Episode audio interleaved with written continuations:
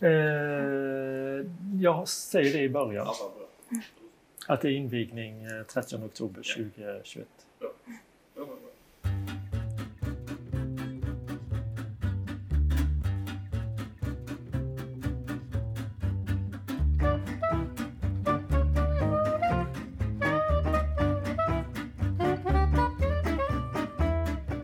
På jorden är Kulturparken Smålands podd om Kronoberg. Här pratar vi om stort som smått inom länets kulturhistoria, från forntid till nutid.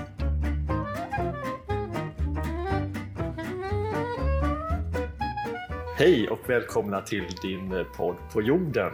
Och idag befinner vi oss på Utvandrarnas hus och i utställningen Det nya landet. Eh, Just när vi spelar in det här så är utställningen inte öppnad utan den öppnar lördag den 30 oktober 2021. Men vi är precis på slutspurten här. Eh, och ni kommer höra och möta flera röster eh, under dagens avsnitt eh, och alla har på olika sätt bidragit till utställningens tillkomst. Först har jag med mig Lennart Johansson, eh, VD här på Kulturparken Småland. Hej Lennart! God dag, god dag! Ja, det här har ju varit ett, för vår organisation ett omfattande arbete. Vill du berätta om eh, bakgrunden till utställningen Det nya landet? Ja, vi hade ju tankar på att bygga om utställningen här i Utvandrarnas hus. Den, den gamla utställningen Drömmen om Amerika hade ju 20-25 år på nacken, saknade den teknik som man ju kräver av, av, utställningar idag. Och det har ju varit en av våra mest besökta utställningar, den utställning vi har guidat mest. Så vi vi tyckte den måste fräschas upp, det måste göras lite tillägg, den, den måste få en helt ny kostym, framförallt med ny teknik. Och jag presenterade detta för våra ägare, Region Kronoberg, Växjö kommun, och det föll i god jord. Så vi fick ju ett extra bidrag här på 5 miljoner för att kunna bygga den här utställningen. Och det var ju välkomna pengar då när man ska göra en väldigt stor satsning. Och, och som du sa Peter, så är ju detta det största utställningsbygge som vi faktiskt har gjort här. Vad är det man möts av när man som besökare kommer till, till utställningen? Man kan väl börja med att säga att när man kommer till Utvandrarnas hus så kommer man faktiskt till Nordens största institut när det gäller då eh, emigrationen till Nordamerika. Här finns ett stort arkiv, här finns forskningsbibliotek och så finns det då den här nya utställningen som man möter. Eh, och eh, utställningen är ju framförallt vänder sig till ja, turister naturligtvis, men också naturligtvis till medborgare i länet, Växjö, skolklasser med mera. Då. Men vi vet ju av erfarenhet att det är väldigt många utländska turister som är intresserade av den här utställningen. Eh, danska, tyska, amerikaner naturligtvis. Ja, och vi får flika in här då att Utvandrarnas hus invigdes 1968 av Willem Moberg som var en av initiativtagarna. Ja, Willem Moberg och Alva Myrdal var här invigda i augusti 68. Då. Så huset har ju rätt många år på nacken här och, och, har ju varit ett av de mest populära besöksmålen i Växjöregionen här under, under väldigt lång tid.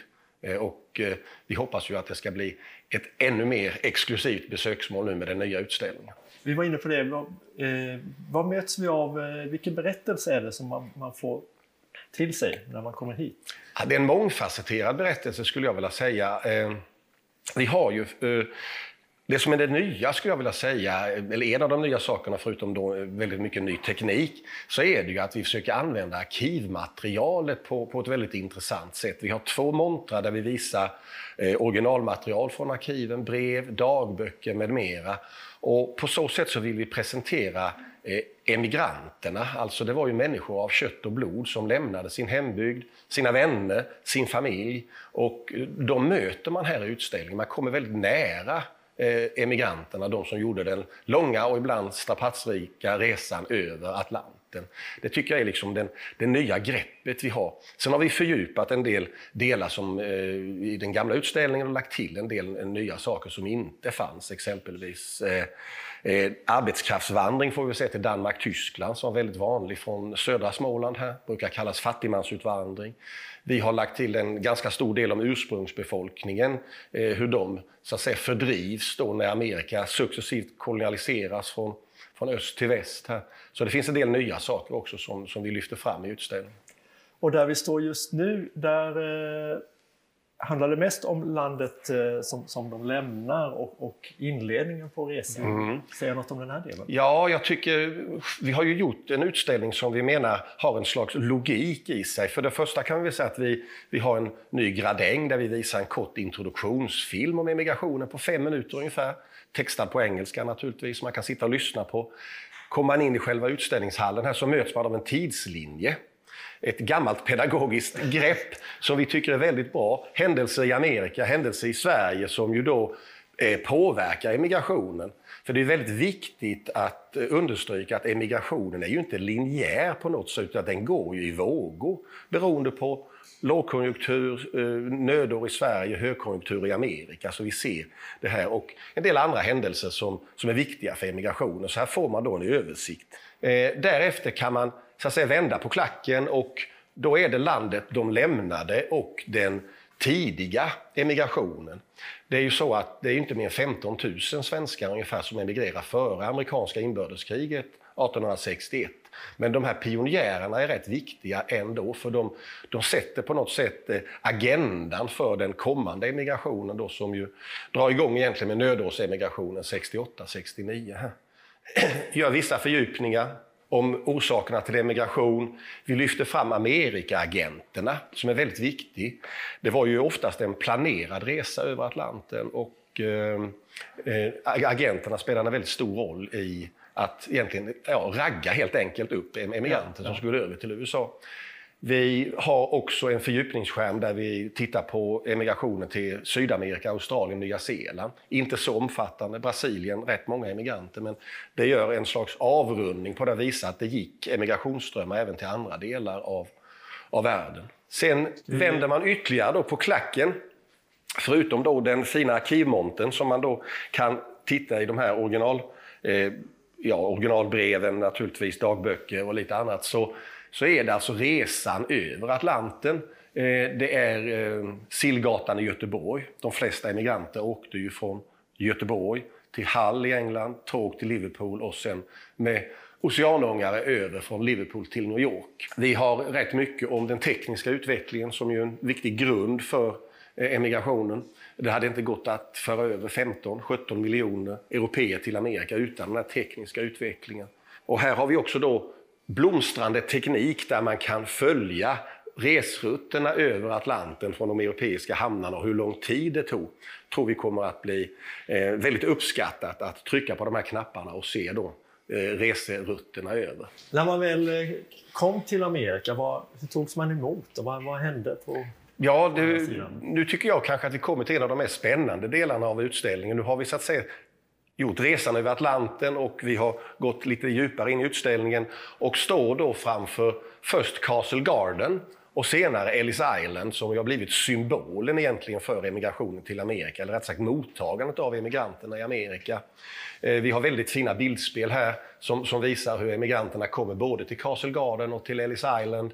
Här ska vi väl säga att det var bara tredjeklassens passagerare som behövde åka till Ellis Island, så det fanns ju naturligtvis en klassuppdelning här på de, på de här skeppen. Eh, sen var det naturligtvis kontroller. Vi ska väl understryka det att eh, emigranterna som vi presenterade dem var ju inga flyktingar i ordets egentliga bemärkelse. De var välkomna till Amerika, det var en organiserad resa över. Men man släppte inte in vilka som helst i Amerika. Man skulle vara stor, stark och kunna ta ett jobb. Det, var, så att säga, det finns, fanns inga humanitära skäl för att komma in i Amerika. Man testade um, ja, förståndet på en del, men framförallt var det ju läkarundersökningar, hälsokontroll. Och den gick ju ganska fort och då blev det ju i princip bara de här okulära besiktningarna. Man kunde ju inte kolla om man hade tbc, kolera eller någonting annat utan det var ju att man, läkarna synade dem och man hade ett rätt sofistikerat system genom att man skrev kritbokstäver då på rocken eller klänningen om det nu var en kvinna och man hade något fel som de upptäckte. Det kunde vara, eh, ja, det kunde vara fötterna, det kunde vara ögon och då skrev man E. CT, det var trakom trachoma då på engelska, en vanlig ögonsjukdom framförallt i Östeuropa. Och det är faktiskt den vanligaste orsaken till att man blev hemskickad så var det alltså trakom då som man upptäckte genom en ganska, eh, jag ska säga, otäckt ingrepp genom att man lyfte upp ögonlocket med en stor krok då på de här. Sen kunde man få ett kryss på rocken, var inte bra. Då hade man suspected mental disorder och blev alltså satt i något som heter detention room för vidare undersökning. Och det fanns faktiskt de som blev hemskickade för att de ansågs galna eller, eller tokiga. Då. Och där fanns lite olika knep för att göra det. Vi har ett pussel här som man fick lägga. Det är lite kul det här pusslet för jag har guidat lite grupper här och så har jag sagt, är det någon som vill lägga pusslet? Alla har tagit tre steg tillbaka. För det, det är ingen som vågar pröva, känns det som. Och jag brukar säga det när man guidar, klarar ni inte pusslet får ni inte komma vidare in i Amerika. Eh, det kanske är lite strängt, men, men eh, det, det, är en väldigt spännande del av utställningen tycker jag, detta hur, man kontrollerade emigranterna. Och det blev ju ett problem då för, ehm, först för amerikanska staten, men senare då för rederierna som ju faktiskt fick betala för återresan. För näst, alla hade ju bokat enkelbiljett och ja. trodde de skulle få stanna i Amerika. Och senare fick rederierna faktiskt också böta för emigranter som skickades hem. Vilket ju innebar att kontrollerna blev mycket mer stränga i de europeiska hamnarna. Då. Ja, när första delen av inresan var avklarad och påbörjades flytten västerut. Och det är den delen vi står i nu. Vad möts man av här, Lennart? Ja, här, nu är vi så att säga inne i Amerika. Här möts man då av, av kartor som visar var svenskarna bosatte sig. Minnesota, Illinois, New York, framförallt då Brooklyn. Vi ser också då hur det så kallade frontier går längre och längre västerut i Amerika. Hur nybyggarna, bosättningarna flytta sig, och vilket naturligtvis innebar att ursprungsbefolkningen trycktes längre och längre västerut och senare sattes i reservat. Eh, vi tittar också lite på den så kallade Homestead-triangeln uppe i Minnesota där det fanns jättemycket svenskar. En del counties bodde det 75-80 procent svenskar faktiskt. Eh, yrkena lyfter vi också fram. Vad gjorde svenskarna när de kom dit? Eh, de svenska kvinnorna blev ju housemaids, hembiträden i väldigt stor utsträckning. Absolut vanligaste yrket. Det näst vanligaste var att man var sömmerska på de stora syfabrikerna, inte minst i, i Minneapolis. Männen, byggnadsarbetare, väldigt vanligt. Svenskarna byggde Chicago sägs det ju. Skogsarbetare, rallare, gruvarbetare. Eh, ganska ska vi säga, vanliga hedliga kneg som, som svenskarna fick då i Amerika.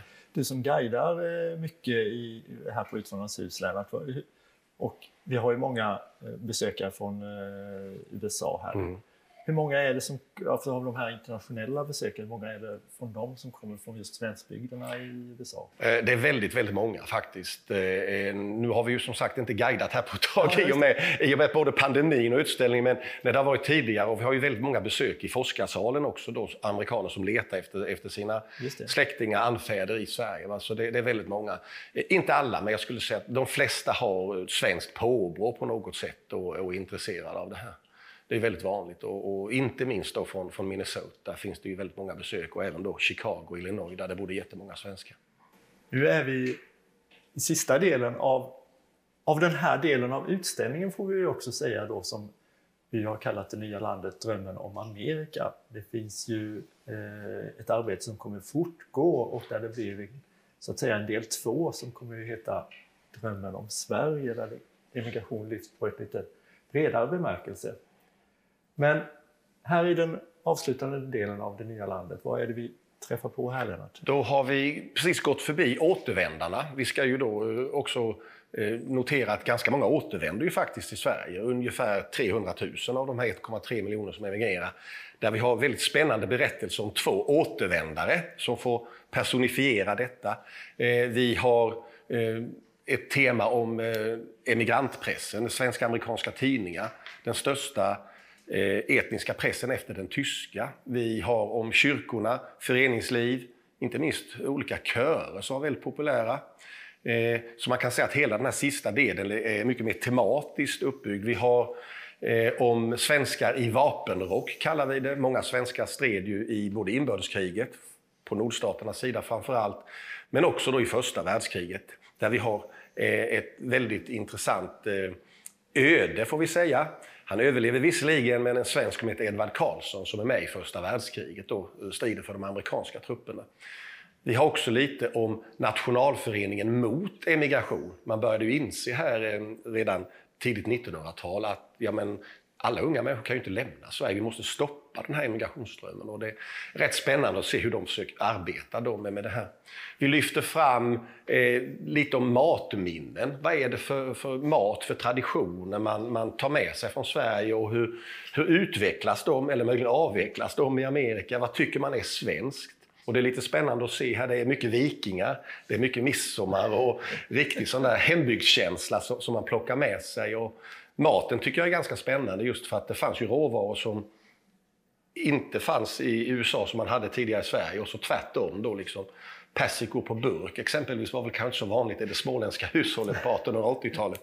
Eh, och sen har vi lite minnen av emigrationen. Hur högtidlighåller man emigrationen? Vad är det man minns? Och det är ju framförallt då Nya Sverige, alltså den här Delaware-kolonin som svenskarna får 1638 eh, då, som, som lyfts fram. Och avslutningsvis lite om svensk-amerikanska relationer, hur vi under hela 1900-talet har haft väldigt eh, starka, djupgående relationer med Amerika faktiskt, som ju ibland glöms bort. Det fick ju sig en törn under Vietnamkriget, men vi har ju alltid varit extremt inspirerade och ibland också fascinerade av, av USA. Som besökare så finns det ju i den här utställningen några föremål som kanske är eh, extra ögonfallande och nu står vi framför ett av dem, Lennart. Vad är det vi ser? Ja, vi ser ett Apollo 11-märke och en liten amerikansk flagga. Och det är då Buzz Edwin Aldrin, andra mannen på månen, som blev utsedd till årets svenska amerikan 1970, besöker Utvandrarnas hus och överlämnar det då som gåva hit. Plus då ett foto taget med Hasselbladskamera som han skänker då till Växjö stad, som det hette på den tiden, som, som vi också visar här i utställningen. Och Eh, jag brukar säga att vi är det enda museum i Norden som har föremål som faktiskt har varit på månen. Då.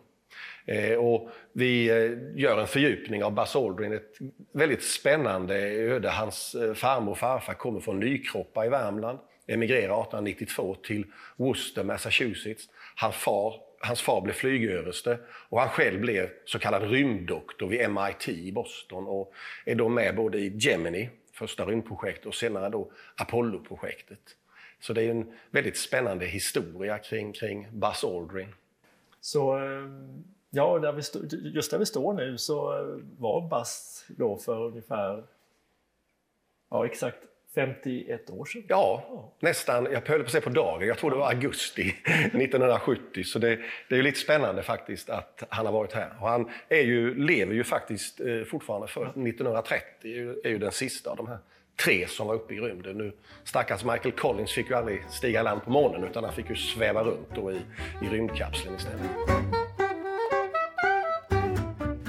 har jag Kristina Lavett bredvid mig. Du är eh, utställningsformgivare här på museet och just för den här utställningen så har du också varit eh, projektledare och drivit arbetet och hållit i alla de trådar som behöver hållas i när man gör ett sånt här omfattande arbete. Hej Kristina! Hej! Det slår mig nu att, du, att det är din premiär i din podd på jorden. Ja, det är det. Och det är ju annars om man besöker Smålands museum och ett hus så har ju du haft ett finger i spelet egentligen med allt man ser i utställningarna. Ja, det har blivit så nu. Jag har några år bakåt här så att eh, jag är med på många platser där. Och Lennart sa tidigare att det här eh, är det största arbetet som vi har gjort med en utställning. Delar du den? Ja, det skulle jag väl säga. Det beror ju på vilka parametrar man lägger i det begreppet. Men det är absolut ett av våra i särklass största projekt.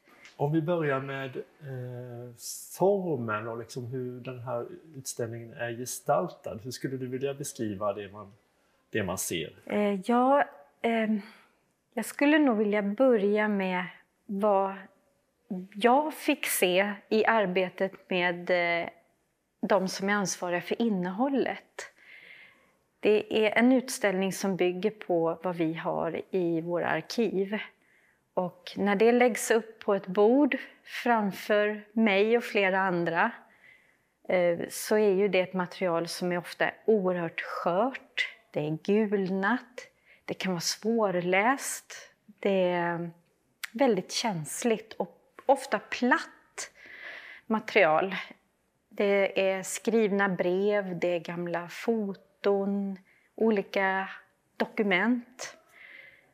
Och att då få uppgiften att göra om det till en tredimensionell upplevelse i ett utställningsrum har varit en stor utmaning. Så att vi hade väldigt mycket arbete tillsammans och mycket idéer som fick flöda fritt. Jo, jag ska också säga att vi hade väldigt nytta av att den tidigare utställningen var så flitigt guidad. Så att kunna guida en grupp och visa det här materialet har varit en viktig aspekt. Och då blir det ju att kan vi på något sätt förstora det här materialet så att i formen har det blivit att vi har eh, skannat in eh, bilder och texter och dokument och förstorat upp det i stora bilder i olika format. Så att de finns nu både som fasta bakbelysta bilder, de finns inlagda i bildskärmar och i fördjupningsskärmar så att vi får allting mycket större och vi kan göra det tillgängligt, eh, mera lättläst. Vi kan transkribera texter så att det går att läsa. Det är många bilder i utställningen. Det är ju en bildrik utställning. Har du någon uppfattning om hur många bilder vi har? Med? Jag skulle säga att vi har passerat tusen bildoriginal i urvalsprocessen. Eh, I själva utställningen skulle jag säga att vi har flera hundra. Men att gå igenom allt det här materialet har varit en, en ganska omfattande resa. Och eh, man vill ju ha allting egentligen, för det är så fantastiskt när man får titta på det. Men vi tvingas ju att göra ett urval i en utställning för att begränsa. Ehm, och här har ju då till exempel möjligheten att använda ny teknik i form av bildskärmar hjälpt oss att visa mer än vad vi hade kunnat göra med bara fasta bilder. Arkivmaterialet som man kan eh, se och ta del av i utställningen eh, det är original originalhandlingar, originalmaterial. Hur vanligt eller ovanligt är det att man just har originalen och inte ta fram en kopia? Jag tror att det är de flesta museers största utmaning att visa originalet eftersom de är så känsliga för ljus och luft. Och, eh, här har vi då valt ändå att göra ett begränsat urval äkta arkivmaterial som ligger i två bordsmontrar i utställningen som ett exempel på hur det ser ut i arkiven. Eh, de här bordsmontrarna är nu då eh, skyddade av ett eh, speciellt UV-glas. Vi har väldigt sparsam belysning som släcker ner när ingen är i utställningen för att vara snäll mot materialet. Vi har även en klimatkontroll så att luftfuktigheten inne i montern har vi kontroll på. Och vi får väl säga som en fotnot då att det är ju ett återkommande liksom, eh, ämne för ett museum att ja. förhålla sig till. Att både kunna visa det som finns i ja. samlingarna men också att det då ska bevaras för ja. evig tid som ja. det faktiskt står i våra stadgar. Eh, det här är ju en basutställning som är tänkt att stå över väldigt lång tid och då är det extra viktigt. Och I och med att vi har valt att göra de här två bordsmontrarna så kan vi ju skifta materialet från arkiven utan att det påverkar utställningens innehåll. Så det är också genomtänkt eh, upplägg. I utställningen så möts man också av ett antal eh, modeller som är uppbyggda miljöer som, som skildrar då de här olika delarna av eh, migrationens eh, faser och resan över. Vad, vad kan du berätta om dem Kristina? Ja, eh, återigen, den tidigare utställningen eh, var rik på modeller och eh, vi inventerade dem när vi tog bort den utställningen. Och, eh, Eh, man kan inte låta bli att tänka att eh, man tjusas lite av miniatyrer i alla åldrar. Ehm, även, alltså, såväl barn som vuxna tycker ofta att det är väldigt roligt att titta på miniatyrer och i det här fallet modeller. Då. Nu valde vi ut ett par modeller som vi tyckte höll särskilt bra kvalitet till den nya utställningen. Ja.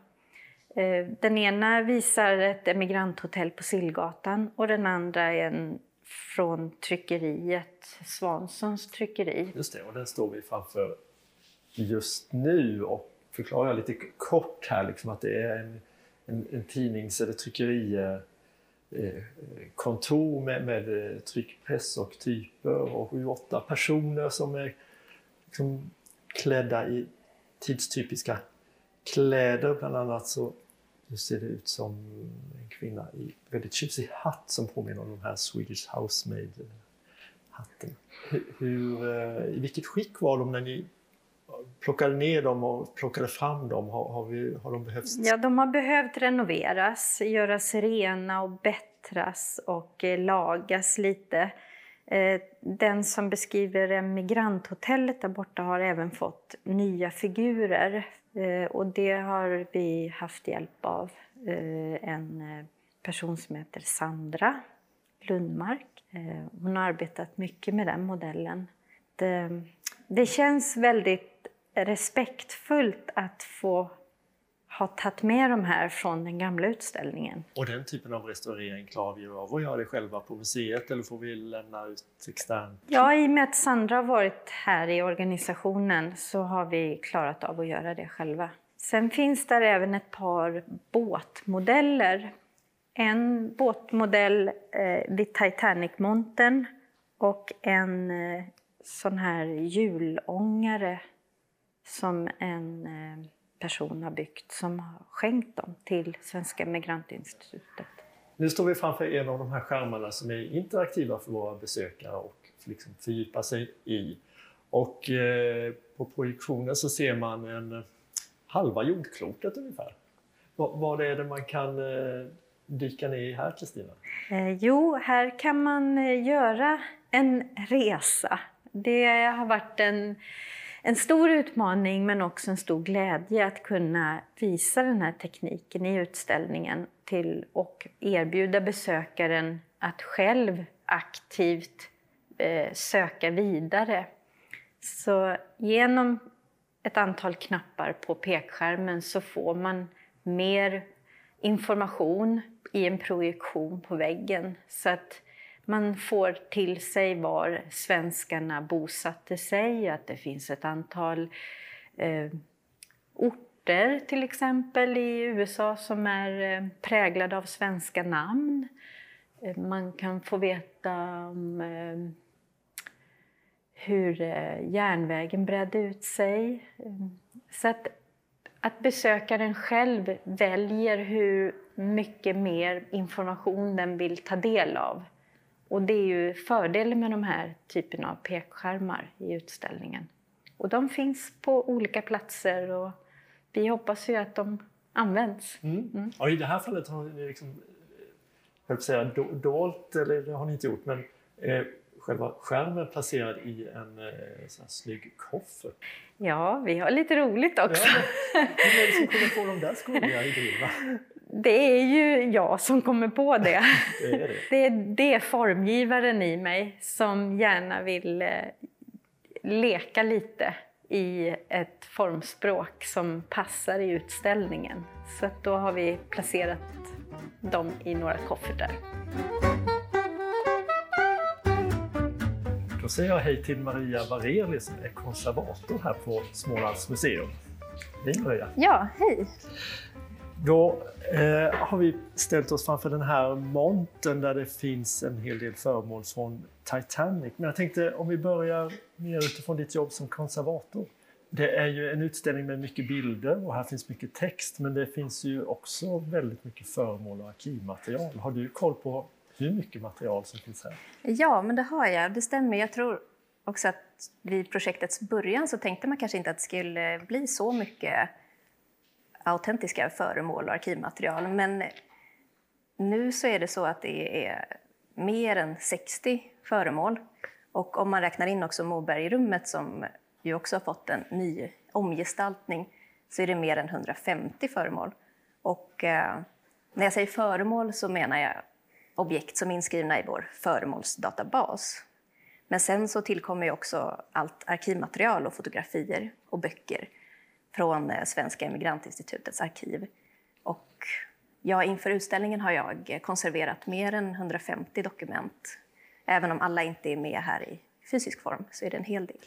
Just det, för ditt specialområde är just eh, konservering av papper och så. Ja, men precis, det stämmer. Så det har varit väldigt härligt att få jobba med det här.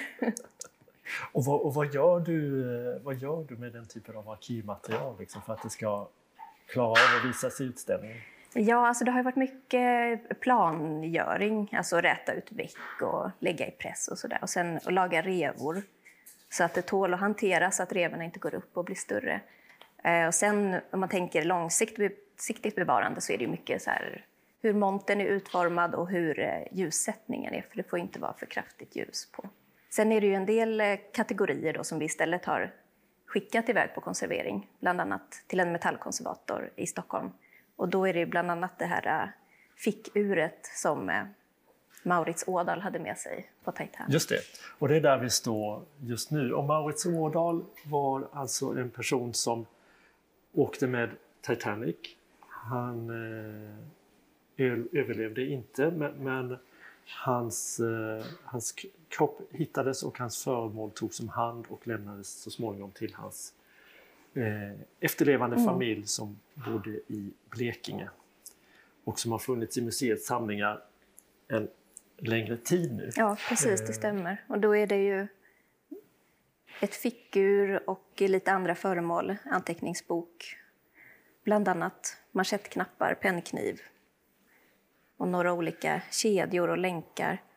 Och sen så har vi också i arkivet ett väldigt gripande brev, hans sista brev hem då innan, innan Titanic avgick. Det var spännande för när, eh, när eh, konservatorn öppnade den här skyddsboetten runt klockan så hittade man eh, ett flertal hårs, ljusa hårstrån. Och sättet som de låg på indikerar att det inte är hår som har kommit dit i efterhand utan det kan vara medvetet ditlagt. Kanske låg det en hårlock där då från någon som han höll kär, kan man spekulera kring. Men det är väldigt spännande när man kommer så här nära föremålen och kan man upptäcka allt möjligt. Det är ju något visst med de här föremålen just från Titanic som har blivit väldigt just laddade och ikoniska på något vis. Jag kan ju notera då att den här klockan den har stannat på fem minuter över halv tre Ja, precis. 14 minuter efter att skeppet gick under. Så det är väldigt starkt. Och det är ju flera föremålen här i utställningen som är väldigt laddade. Eh, bland annat visar vi också föremål som har tillhört en man som hette Edvard Karlsson som tjänstgjorde eh, på den amerikanska sidan under första världskriget. Och vi visar hans gasmask och hjälm och även en del arkivmaterial, bland annat pass. Och du visade mig också en anteckningsbok. Vi förflytta oss några meter till den här arkivmonten. Och vill du berätta vad det, vad det är vi ser? Ja, men precis. Det är en liten, liten dagbok som eh, Eh, där en flicka då eh, har eh, ritat och skrivit om sin vardag. Och bland annat har hon ritat en kyrka, en liten grav och så skriver hon Fredagen den 3 maj 1889 dog min bror Erik Robert Svensson, 15 år gammal. Hon skriver även om när hennes syster emigrerade till Amerika. Så den, ja, men det är en favorit, tycker jag. Väldigt rörande föremål. Ja. Det är väl det som gör berättelsen omkring Amerikaemigrationen väldigt speciell. Alltså den har ju de här djupa berättelserna om sorg, men också de här berättelserna om de som lyckas och som det går väldigt bra för och som får ett betydligt bättre liv än vad de hade. Ja, men precis. Nej, det är väldigt speciellt och att det finns så pass mycket. Det ligger nära i tid så vi har ju de här fotodokumentation och eh, arkivhandlingar som, eh, som dokumenterar det här förloppet väldigt väl och det kommer väldigt nära. En eh, annan sak som finns med i utställningen som du berättade om tidigare som ju också tillhör de där de mörkare delarna och varför man lämnar det är ett recept på ett nödbröd. Det är ju då bakat under missväxtåret 1868. Och det består av bokbark, halm, mossa, ljungknopp och eh, knöppeldunke som är linfröhus. Så ja, det är också väldigt eh, starkt att tänka sig att det var det man hade att försöka eh, överleva på. Det är ganska svårt för en nutidsmänniska, tänker jag, eller för mig själv i alla fall, att ta in. För de flesta människor i Sverige idag har ju ingen erfarenhet av hunger på Nej, det sättet nej. som man hade under 1800-talet. Ta receptet en, en gång till, för det lät inte som det var mycket ätbart i. Precis, nej, det var ju bark då bok. Och så halm och mossa och ljungknopp. Och så den här knöppeldunke då som är ett annat ord för linfröhus. Ja, precis. Från Åseda kommer det här brödet. Nu har vi återigen förflyttat oss en bit i utställningen och står framför en eh, koffert som är ganska stor. Den är kanske lite drygt en meter lång och halv meter bred och en meter hög kanske, eller sådär. Det är en koffert som har tillhört eh, Signe Karlsdotter som eh, här får representera återvändarna, de som kom tillbaka till Sverige efter att ha bott och arbetat i Amerika. Och eh, hennes historia är väldigt speciell för en dag så stod hon bara på stationen här och hennes släktingar var inte förberedda på att hon skulle komma tillbaka. Och med sig hade hon den här kofferten. Eh, och den ville hon aldrig mer öppna utan den ställde hon låst och så uppe på vinden. Och sen så efter hennes död så skänkte hennes släktingar kofferten till museet och här öppnades den. Och den innehåller ju eh, enormt mycket eh, kläder, glasögon, pass, eh, böcker, allt man kan tänka sig. Det representerar ju då vad man hade med sig Ja. när man reste dit och reste hem. Och mycket då som är... Hon jobbade som kitchen maid i New York.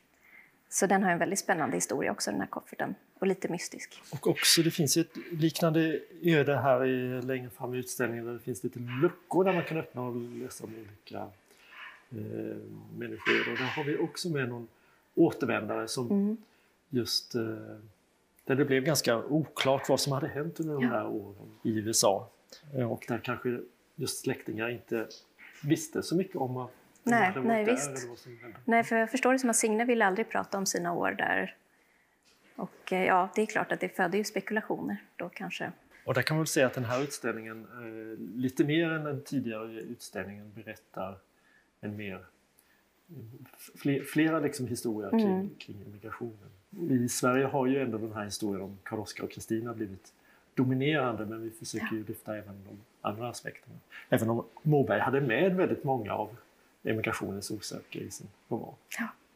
Och du, apropå Mobergs romaner, ska vi gå bort och eh, titta på dem? För vi har ju hans eh, handskrivna noteringar och annat. Ja, men precis, det gör vi. Och nu är vi lite längre in på Utvandrarnas hus och eh, det som tidigare kallas Mobergsrummet och, och det gör vi kanske lite fortfarande men, men officiellt så heter eh, den här utställningen Moberg och Utvandrarna. Och här finns tre av Vilhelm Mobergs originalmanuskript till Utvandrarsviten. Vill du berätta Maria?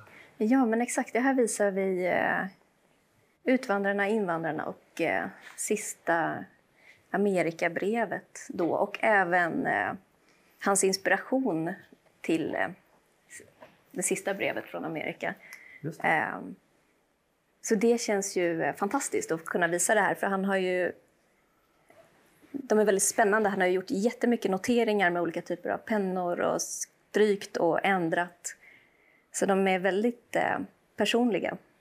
Och det här var en nyhet för mig i alla fall när jag såg det här att just den här sista delen som ju heter Sista brevet till Sverige i, eh, I den när den väl kommer ut så, så, så har han skrivit Sista Amerikabrevet Ja. just som Och som det är väl för att han har det sista Amerikabrevet här då.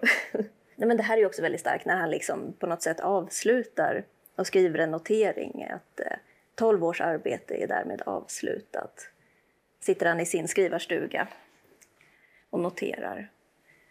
Så det är ju superroligt att få kunna visa de här i original. Det är rejäla luntor kan man Ja, det är det. Verkliga bibbor och lite olika liksom, pappersformat och sådär. Så, ja, men den är väldigt eh, levande. Och här blir det ju också väldigt viktigt med ljusnivåerna så att, man inte, eh, så att inte texten bleks helt enkelt. Så det här är... Nu visar vi manuskripten här i original och skrivarstugan har ju också fått en, eh, en annan eh, hängning kanske man ska säga. En, en, en annan tillgänglighet eller så, man, man kommer runt och kan se ja, men exakt. fler delar. Och nu har vi utgått eh, minutiöst efter fotona från eh, skrivarstugan. Då. Så att, eh, verkligen försökt att eh, motsvara hur han hade det, även om halva stugan saknas. Då, så, mm.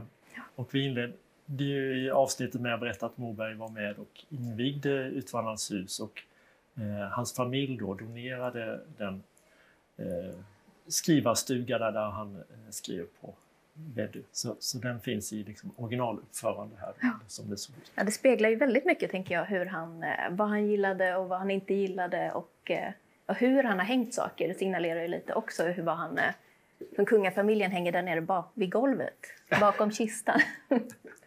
och sådär. Så det, det berättar mycket om Moberg själv, alla de här små. De är ändå, de är ändå med. Ja. De är ändå med. Ja. Men och så hans skrivmaskin förstås då. Som han... Det börjar bli dags att eh, runda av vår eh, lilla promenad här genom utställningen Maria. Är det något annat som du tycker är speciellt med eh, det nya landet på Utvandrarnas hus? Ja, men jag måste nog ändå säga att jag tycker det är väldigt eh, kul och spännande hur, vi har, eh, hur man kombinerar det här med att använda arkiven, föremålssamlingarna i den här utställningskontexten. För det finns så otroligt mycket spännande berättelser som, som blir tillgängliggjorda här nu. Kan man säga att det är nästan lite fortsättning på den här tanken som fanns när Kulturarvscentrum startade för vad nu är 8-10 år sedan där det också finns både föremål och samlingar och arkiv under ett och samma tak. Ja, nej men det skulle jag verkligen säga. Tack så mycket för den här rundturen Maria och eh, så får vi passa på att önska våra besökare välkomna till Utvandrarnas hus och utställningen Det nya landet.